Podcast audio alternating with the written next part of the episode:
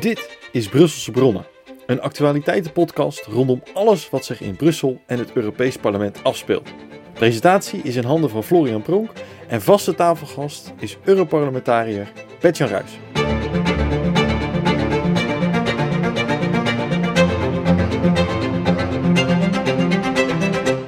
Onze speciale gast is dit keer Geesje Rotgers, onderzoeksjournalist bij stichting Agrifacts. En voorheen was ze hoofdredacteur van het tijdschrift uh, V-Focus en werkte ze bij het LTO-tijdschrift Nieuwe Oogst en bij de Gezondheidsdienst voor Dieren. Ze is opgegroeid op een gemengd bedrijf met akkerbouw en melkvee in de provincie Groningen. Kortom, een leven vol landbouw. In haar onderzoekswerk ontdekte ze dat allerlei natuur- en milieunormen die aan boeren worden opgelegd helemaal niet haalbaar zijn. Of dat de voornaamste oorzaak van vervuiling niet bij de landbouw ligt. Het kan ook zijn dat de gewenste natuurdoelen wel erg minimaal zijn vergeleken met de maatregelen. Nou, voor al dit werk als onderjournalist is Geesje Rotgers in 2019 zelfs benoemd tot ridder in de orde van Oranje Nassau. Nou, alle reden dus om met haar over dit thema van landbouw te praten.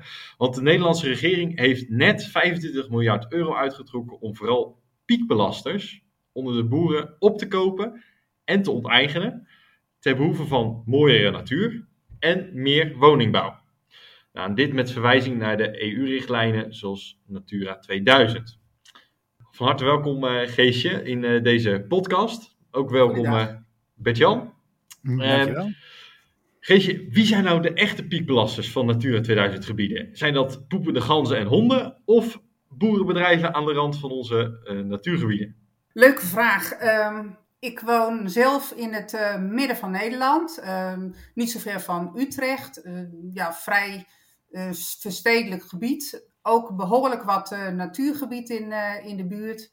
En als ik op een mooie dag in de natuur wil wandelen, dan is het in deze omgeving toch wel file wandelen of file fietsen. Um, en helaas moet je dan ook nogal uitkijken waar je loopt. Want er worden ook nogal wat honden uitgelaten en dat wordt uh, lang niet altijd opgeruimd. Dus als ik uh, gewoon kijk in mijn omgeving hier in de natuur, dan durf ik wel te stellen dat de meeste stikstof die hier in de natuur terechtkomt, toch wel van de honden komt. En dat dat minder is uh, van de veehouderij in de omgeving. Ja, je, je, ging, je had op een gegeven moment een vergelijking gemaakt. Eén hondendrol stond ongeveer, ongeveer gelijk aan 285 koeien uh, buiten dat gebied. Uh, is dat echt daadwerkelijk op cijfers of was dat meer gevoel?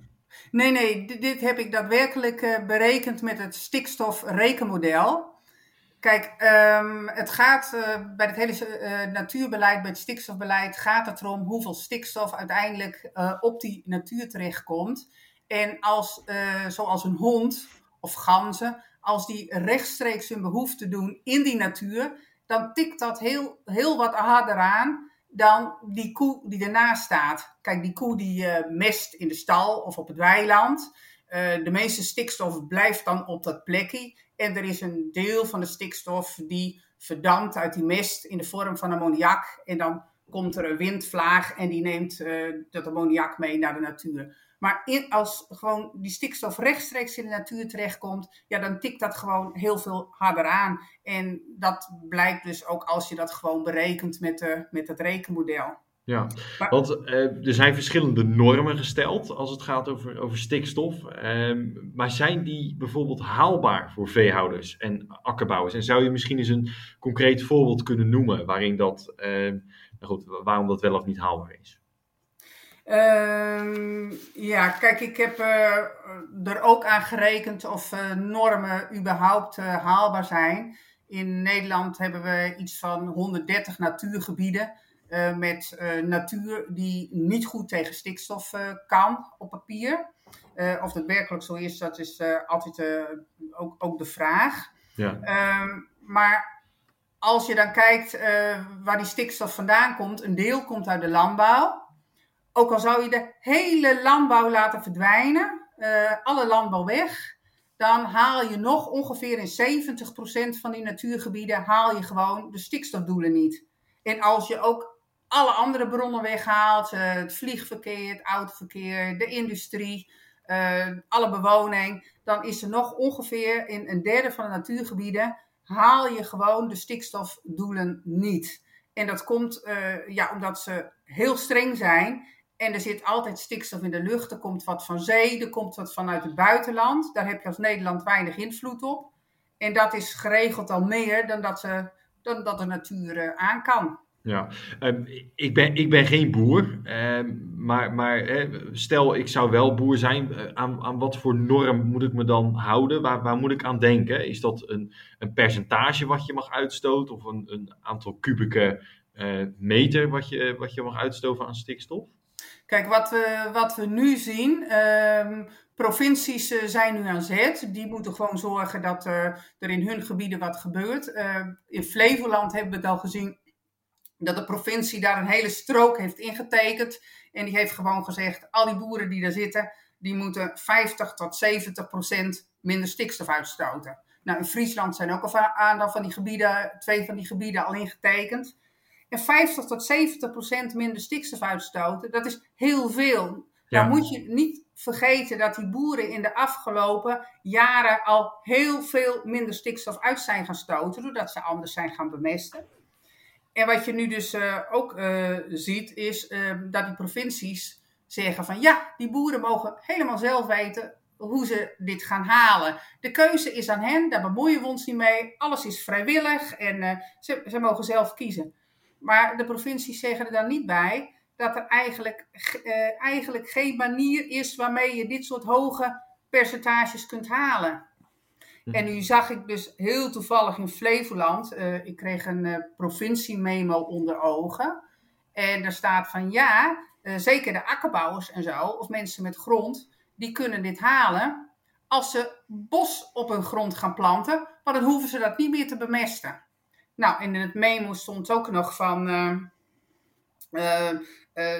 nou, dan dienen we daar meerdere doelen mee. En enerzijds een stikstofdoel, maar we hebben ook nog een klimaatdoel waarvoor we bossen moeten aanplanten, die zeg maar de CO2 en zo gaan vastleggen. Dus daar dienen we twee doelen. Ja. Alleen. Daar zijn boeren niet... blij mee. Ja, want wat, waar die mee, wat er niet in het memo staat, hoe boeren dan nog een inkomen moeten verdienen. Want kijk, als je bos moet aanplanten, um, nou ja, de bomen die het snelste groeien, dan heb je denk ik een jaar of dertig heb je hout. Maar als het eikenhout moet worden, dan heb je de eerste honderd jaar geen hout. Nee, dat is lastig. Nou, uh, Bert-Jan, uh, zijn dit nou EU-normen die, die gesteld worden, of, of zijn dit echt puur Nederlandse normen die we hier zien? Die we hier zien, dat zijn primair Nederlandse normen. Kijk, zoals je in je introductie aangaf, dit zijn Nederlandse normen die te maken hebben met Europees beleid. Dat natuurlijk weer wel. Maar we hebben het hier dus feitelijk over Nederlandse uitwerking van Europees beleid, het zogenaamde Natura 2000 beleid, uh, wat lidstaten voorschrijft om natuurgronden te beschermen. Ja. En om alle instandhoudingsdoelstellingen, dus de instandhouding van bepaalde diersoorten, om, die, uh, om die goed te regelen. Dat zijn algemene voorschriften vanuit de EU. Maar waar, nu, waar we nu tegenaan lopen, dat zijn dus Nederlandse normen, die dus een uitwerking zijn van dat Europese beleid. En wat je moet vaststellen, dat is dat Nederland het zichzelf wel zeer, zeer moeilijk heeft gemaakt bij die uitwerking. A, door wel heel veel gebieden aan te wijzen, versnipperd en verdeeld over heel Nederland. En als je eenmaal zo'n gebied hebt aangewezen tot een Natura 2000 gebied, ja, dan moet je natuurlijk maatregelen treffen om dat gebied te beschermen. Dus dat is de ene reden hoe het komt dat we onszelf het zo moeilijk hebben gemaakt. Tegelijkertijd moet je ook vaststellen dat de normen die wij hanteren in Nederland wel zeer, zeer streng zijn. Zeker als je dat vergelijkt met omliggende landen. Bij ons zijn ze gewoon veel strenger. In, in, in Duitsland bijvoorbeeld hanteren ze een grenswaarde van, van uh, wat is het? 7 mol, dus het is 100 gram per, per hectare stikstof ja, in Nederland zijn die grens, grenswaardes ongeveer, uh, zeg maar, uh, nagenoeg nul. Hè? Dus, dus, er zit een enorme verschil in. Ja. Um, en je ziet inderdaad dat, het, dat we het in Nederland wel zeer, zeer streng invullen. En wat je ook moet vaststellen, dat is dat, is, dat, is ons, dat ons beleid hoofdzakelijk gebaseerd is op gewoon modellen. Het ene model naar het andere model. Alleen we vergeten daarbij dat de natuur zich lang niet aan modellen houdt. Dus je zou eigenlijk veel meer moeten kijken naar de natuurontwikkeling zelf. Hoe staat de natuur er nou voor? Is de natuur er nou op vooruit gegaan of is de situatie uh, slechter geworden?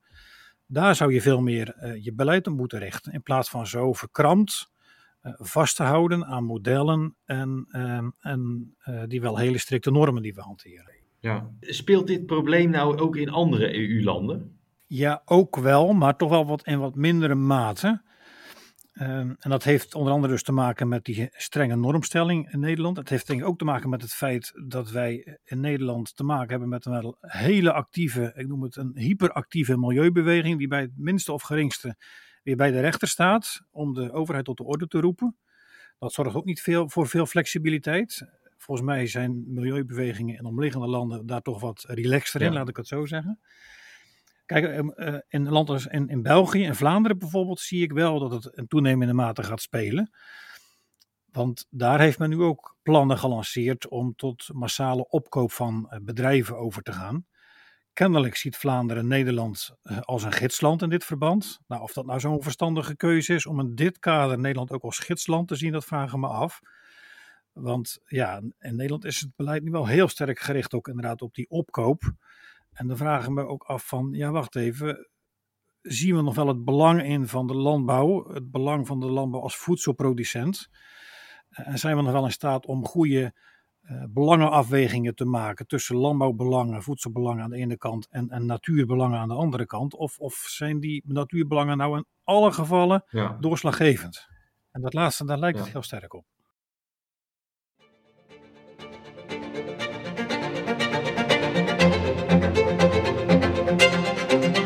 Geesje, eh, de Nederlandse regeringscoalitie heeft 25 miljard euro uitgetrokken voor zo'n stikstoffonds.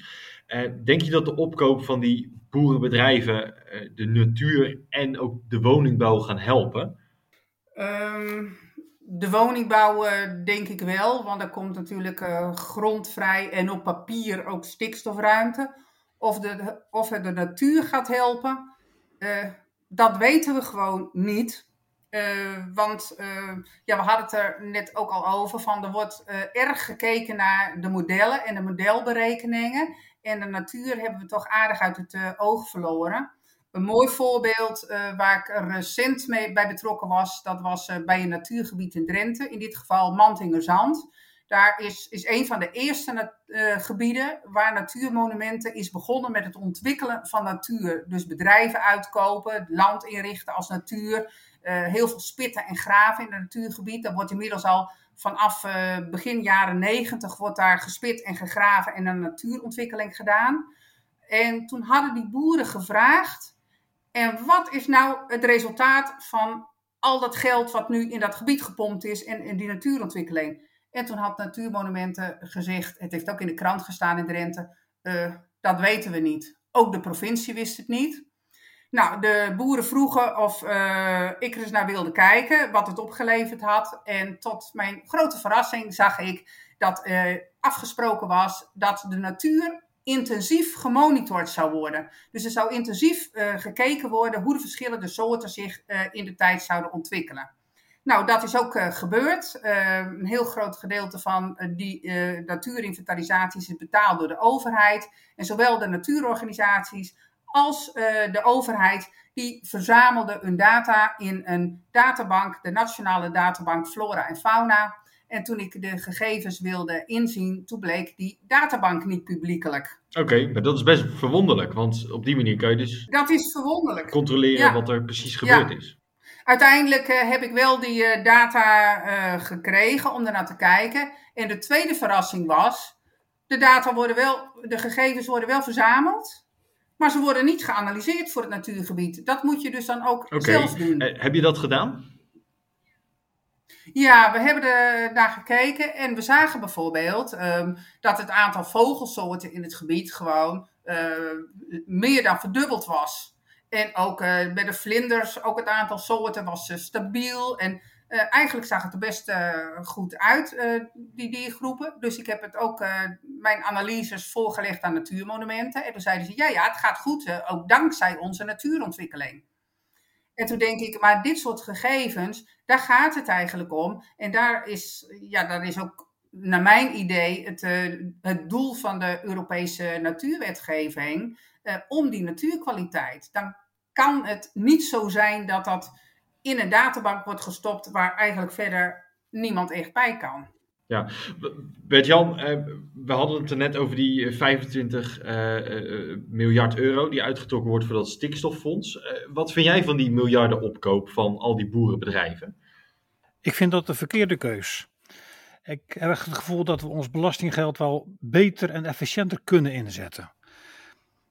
Ten ook omdat ik denk dat je vooral via het spoor van innovatie, via vernieuwing, ook nog heel veel kunt bereiken um, in zeg maar, het terugdringen van emissies van, van ammoniak. Bijvoorbeeld door te investeren in emissiearme stallen en allerlei nieuwe technieken.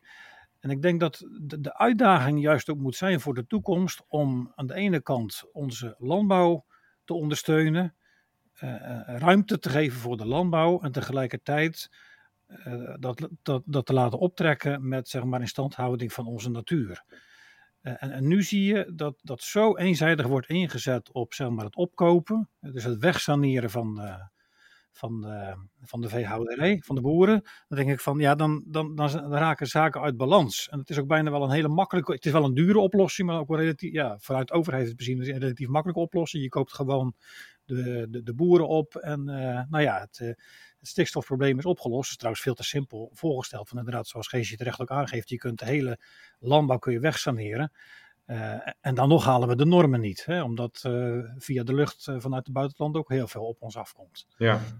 Dus ik, nou goed dat er geld beschikbaar is, maar de, de, keuzes die daarin zijn gemaakt, vind ik niet verstandig. En ik zou veel liever zien dat een veel groter deel zeg maar, zou gaan naar innovaties, zodat boeren ook gewoon in uh, Nederland ook toekomst blijven houden. Ja. Als een sector steeds onhaalbare doelen wordt opgelegd, eh, wat doet dit dan met de, het vertrouwen in de overheid? Dat is natuurlijk niet goed voor het vertrouwen in de overheid. En dat vertrouwen in de overheid is nu toch al niet zo goed momenteel. En dat heeft natuurlijk allerlei redenen. Dat heeft te maken met de toeslagenaffaire. Dat heeft te maken met uh, um, het uh, functie elders debakel met Rutte. Het heeft denk ik ook te maken met uh, de doofpotcultuur die, eh, die nu boven is komen drijven met D66, maar even wat voorbeelden te noemen. Ja. Dus dat stapelt zich allemaal op. Um, en het is ook niet voor niks dat, dat mensen in toenemende mate ook gewoon weglopen bij zeg maar de, de mainstream partijen. Um, omdat men gewoon ook geen vertrouwen meer heeft in, in het beleid. En als je dan inderdaad ook nog eens onhaalbare doelen gaat opleggen dan ben je echt bezig in mijn beleving om een beleid vorm te geven vanuit een soort ivoren toren. Dan verlies je de werkelijkheid uit het oog. Uh, dan verlies je uit het oog van waar de, dan verlies je de echte problemen die spelen op het boerenerf, verlies je dan uit het oog. En ja, dat is natuurlijk desastreus voor, voor het vertrouwen. Als je de werkelijkheid uit het oog verliest, dan verlies je uiteindelijk ook het vertrouwen van de burger. En ja, het feit dat partijen als CDA en, en, en VVD, dat boeren daar zo massaal zijn weggelopen, dat is natuurlijk wel een teken aan de wand wat dat betreft. Ja, wat kan de SGP hier nou mee? Want waar, hoe zorgen wij ervoor, of hoe zorgt de, zorgt de SGP ervoor dat de, de boeren niet weglopen? Nou, allereerst denk ik om vooral ook te laten zien dat wij wel oog willen hebben voor de boerenpraktijk. Uh, niet dat we natuurlijk weglopen, eh, weg willen lopen voor de uitdagingen die er liggen. Natuurlijk liggen er uitdagingen en liggen er knelpunten. Zeker ook als het gaat over bescherming van natuur, als het gaat over stikstofproblemen. Daar willen wij niet voor weglopen. Maar dan is wel de kunst om met geloofwaardige oplossingen te komen. Die ook echt toekomstperspectief bieden, ook voor de landbouw. En ik vind dat we moeten laten zien dat wij als SGP staan voor een evenwichtig beleid waarin aan de ene kant zeker redmeesterschap een rol speelt, waarbij we aan de andere kant toch ook de boer willen helpen uh, om uh, ja, toekomstperspectief te houden, ook in, in, in Nederland. Want ja, de voedselvoorziening, hoe je het went of keert, is toch ook ontzettend belangrijk. Dat, heeft toch ook, uh, dat laat ook de recente situatie wel zien met de oorlog in Oekraïne. we moeten wel onze voedselvoorziening op peil houden, ook om te voorzien in zeg maar, de mondiale behoefte aan voedsel. En als we zo eenzijdig in gaan zetten op saneren van onze land- en tuinbouw, ja, dan zijn we ook bezig om weg te lopen zeg maar, van onze verantwoordelijkheid die we hebben om ook een bijdrage te leveren aan de voedselvoorziening wereldwijd. Ja, ja. dat is een mooie, mooie afsluiting zo.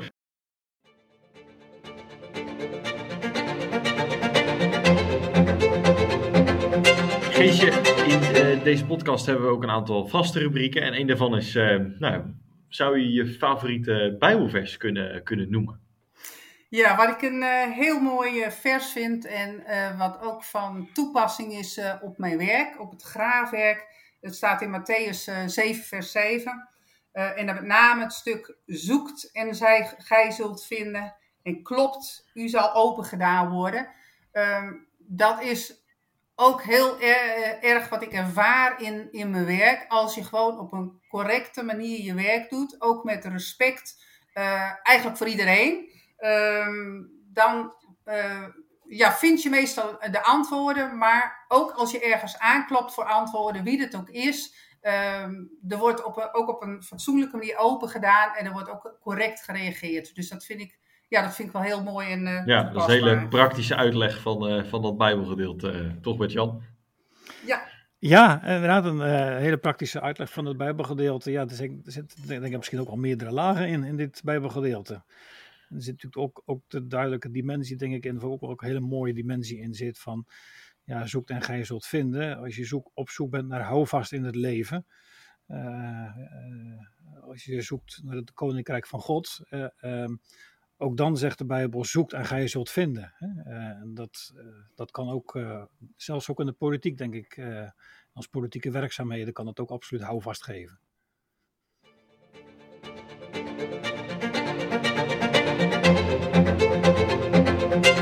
Geesje, wat zou je doen als je nou ja, goed, alle macht zou krijgen of het één dag in de, voor het zeggen zou hebben in de Europese Unie? Wat zou je dan als eerste veranderen? Om even aan te sluiten bij het onderwerp eh, van nu. Uh, je ziet dat Nederland een enorme puinhoop maakt van het uh, natuurbeleid. wat ook een heel stuk zit in juridische onderbouwing, wat niet klopt. Wat voortdurend aangevochten wordt bij de rechter. Als ik gewoon dit zou zien, als, als ik in Europa zou zitten en dit zou zien, dan denk ik van, dit is niet de uitwerking die Brussel voor ogen had. Dit is niet de uitwerking die de Europese Commissie voor ogen had van zoals Nederland het doet. Uh, dat is het toonbeeld uh, zoals het moet. En wat je nu dus ziet is uh, dat de overheid ja, de oplossing zoekt in een, een, enorme uitgave, de rekening bij de burgers neerlegt, de berekening bij de ondernemers neerlegt. Dan denk ik, als ik Europa was, dan had ik hier nu toch wel eens een keer ingegrepen en gezorgd dat Nederland de boel op de rit krijgt. En ik ben heel benieuwd eigenlijk, uh, ook nog een vraag aan Bert-Jan, waarom Europa dit maar laat aanmodderen? Dat is een goede vraag. Dat heeft denk ik ook te maken met het feit dat, zeker als ik naar de Europese Commissie kijk, als ik naar een Timmermans kijk, naar een Wojciechowski kijk.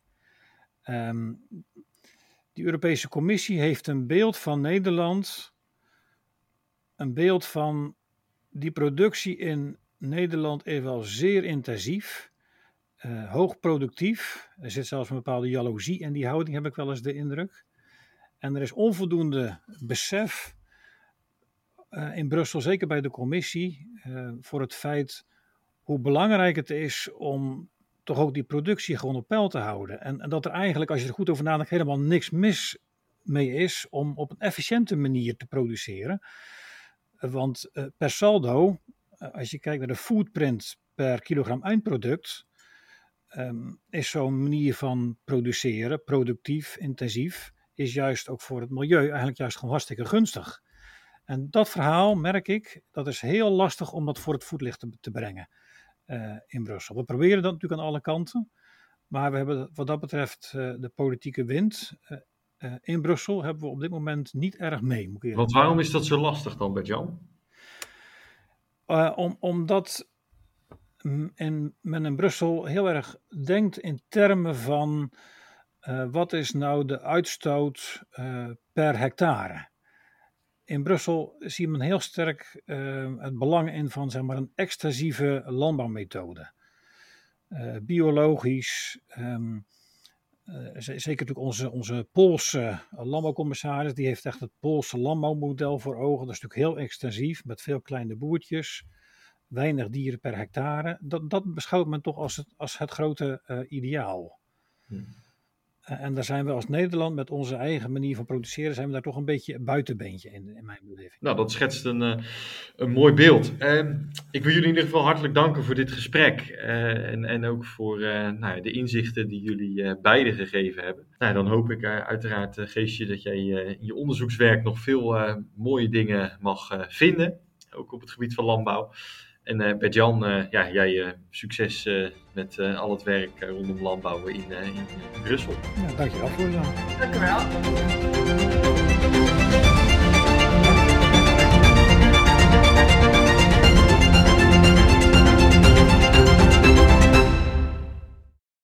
Deze podcast wordt gefinancierd door de ECR Groep.